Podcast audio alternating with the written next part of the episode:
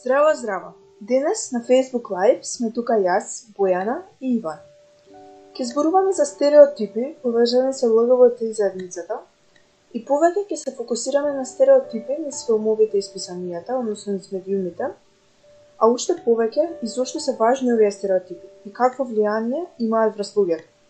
Истовремено, оваа емисија би сакале да ја посветиме на 17 мај. Тоа е оваа недела и представува Интернационален ден против хомофобија, трансфобија и бифобија. Здраво! Како што каже и Бојана, денеска повеќе ќе се фокусираме на тоа како се представени ЛГБТ и плюс ликовите во сите серии, филмови и други медиуми кои што ги гледаме и абсорбираме секој ден. И ќе спомнеме малку или сепак многу од стереотипите кои што најчесто се привлекуваат низ овие медиуми кои што ја следат сексуалната ориентација или родовиот идентитет на луѓето. А, морам да признам дека честопати се представени многу, на многу површен и погрешен начин сите овие ЛГБТ и плюс ликове, како да нината сексуална ориентација или родов идентитет единствениот аспект на нината персона, што нели како што знаеме не е така.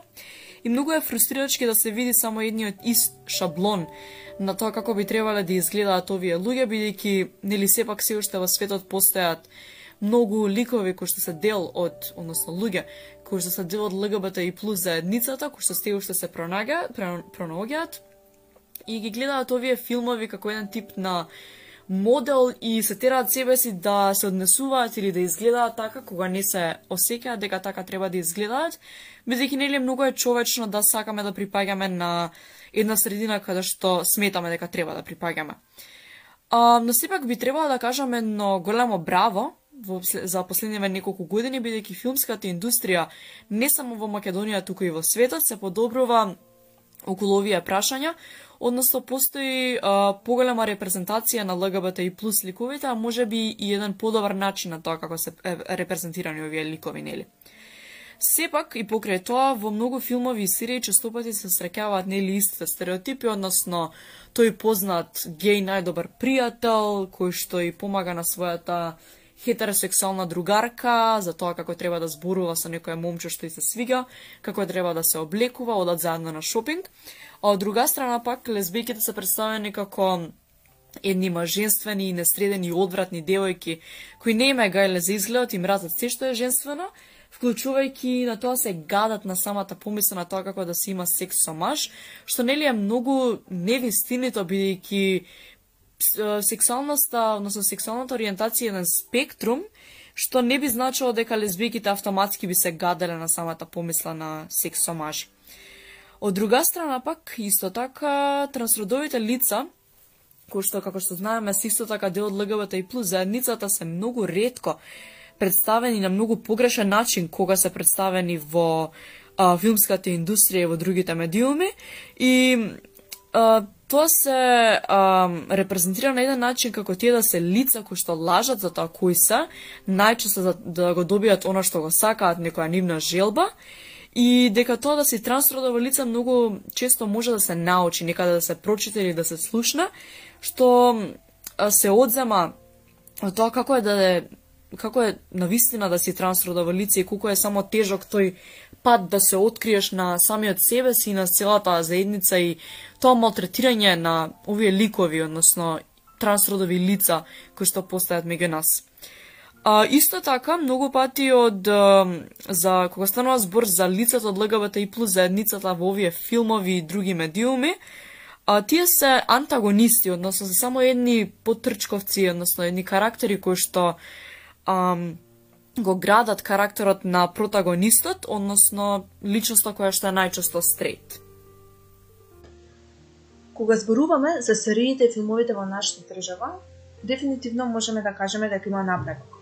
Особено во последните неколку години, како во сериите Преспав во фамилијата Марковски, се појавуваат темите на различни сексуални ориентации од хетеросексуалноста и различни родови идентитети.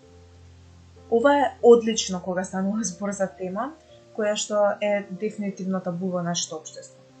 Но ова и не значи дека секоја репрезентација е добра, затоа што овие серии исто така ги провлекуваат и оние стереотипи за кои зборувам.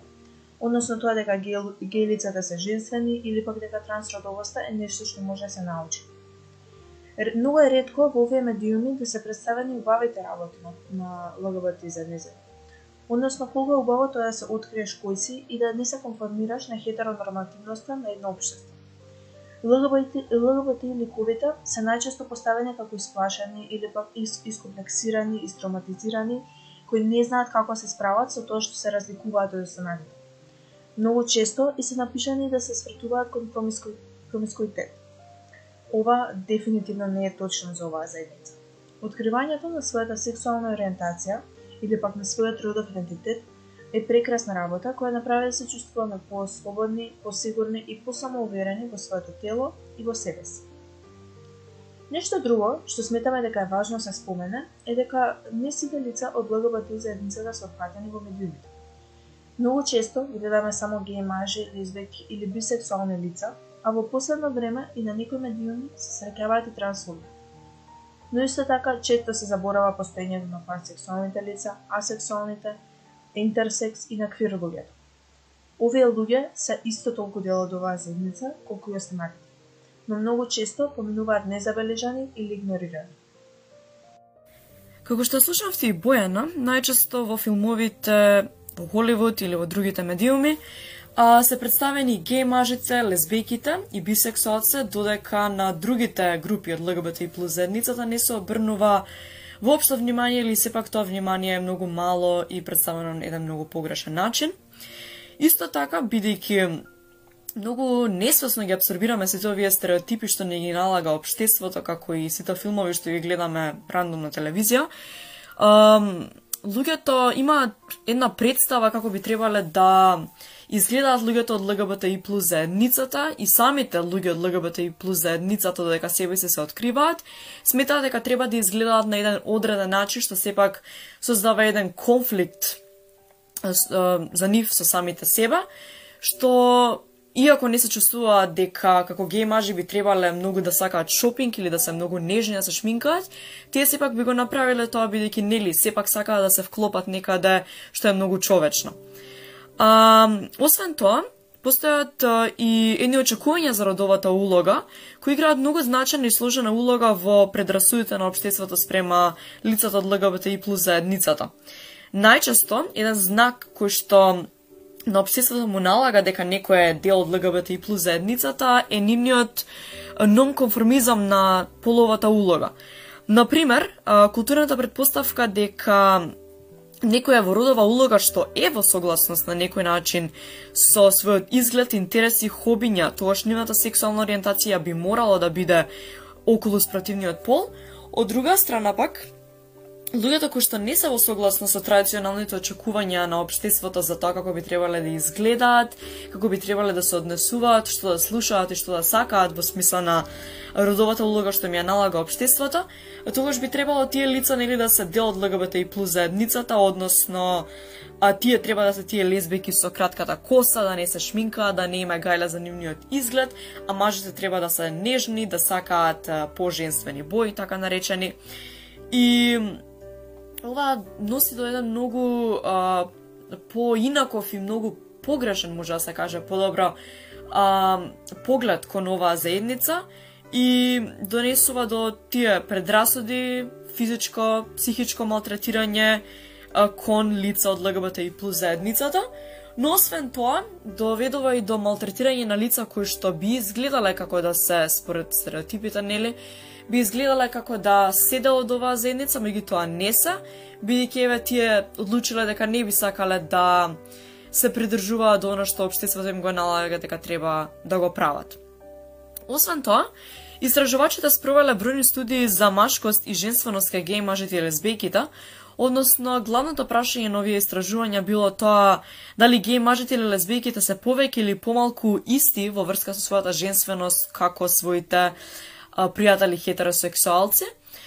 А, и, нажалост, за обштеството, нели, се докажало дека, иако лесбијките во смисла на својата маженственост може да се, може повеќе да изразуваат својата маженственост, сепак тие не значи и не мора да се помалку женствени од жените кои се хетеросексуалци.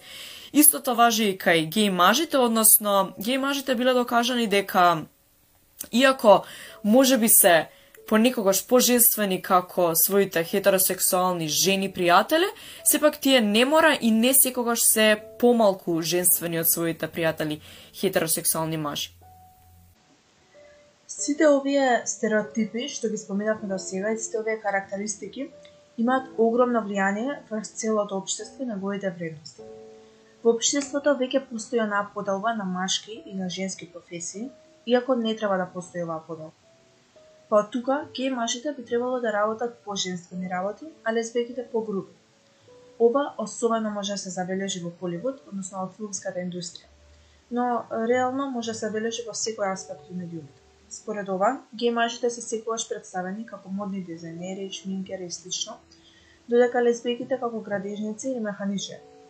Ова е тотално погрешна слика и која и таа создава голем притисок и се јавуваат предрасуди или булинг, како што каже Ивана, кога личност пак ЛГБТ заедницата ќе ги прекрши нивните очекувања. За тоа како треба да се однесува, што треба да работи и како да се облекува. Но не само кај ЛГБТ и лица, туку и општо за мажите и жените Најчесто во филмовите жената се прикажува дека треба да седи дома, да се грижи за сите, да пере, да готви или да чисти. Не само во филмовите, ова е многу повеќе прикажано и во рекламите. Додека мажот оди на работа и тој го издржува семејството финансиски, а никако не помага во дома, бидејќи не, тоа не е негова работа. А, ова е тотално погрешно. И јас јас сметам дека сите овие стереотипи и мислења треба да се остават во минатото бидејќи не се ништо повеќе отколку една социјална конструкција. Се надеваме дека уживавте и дека дознавте многу нови информации ви благодариме што не слушавте. За крај исто така би сакала да ви препорачаме неколку серии и филмови кои имаат многу добра и позитивна репрезентација на ЛГБТИ плюс заедницата, како на пример серијата Pose, Sex Education, Big Mouth, Grey's Anatomy, Instinct, Dairy Girls, Eyewitness и Brooklyn Nine-Nine. Се слушаме наредната среда, останете дома и во добро здравје. Чао!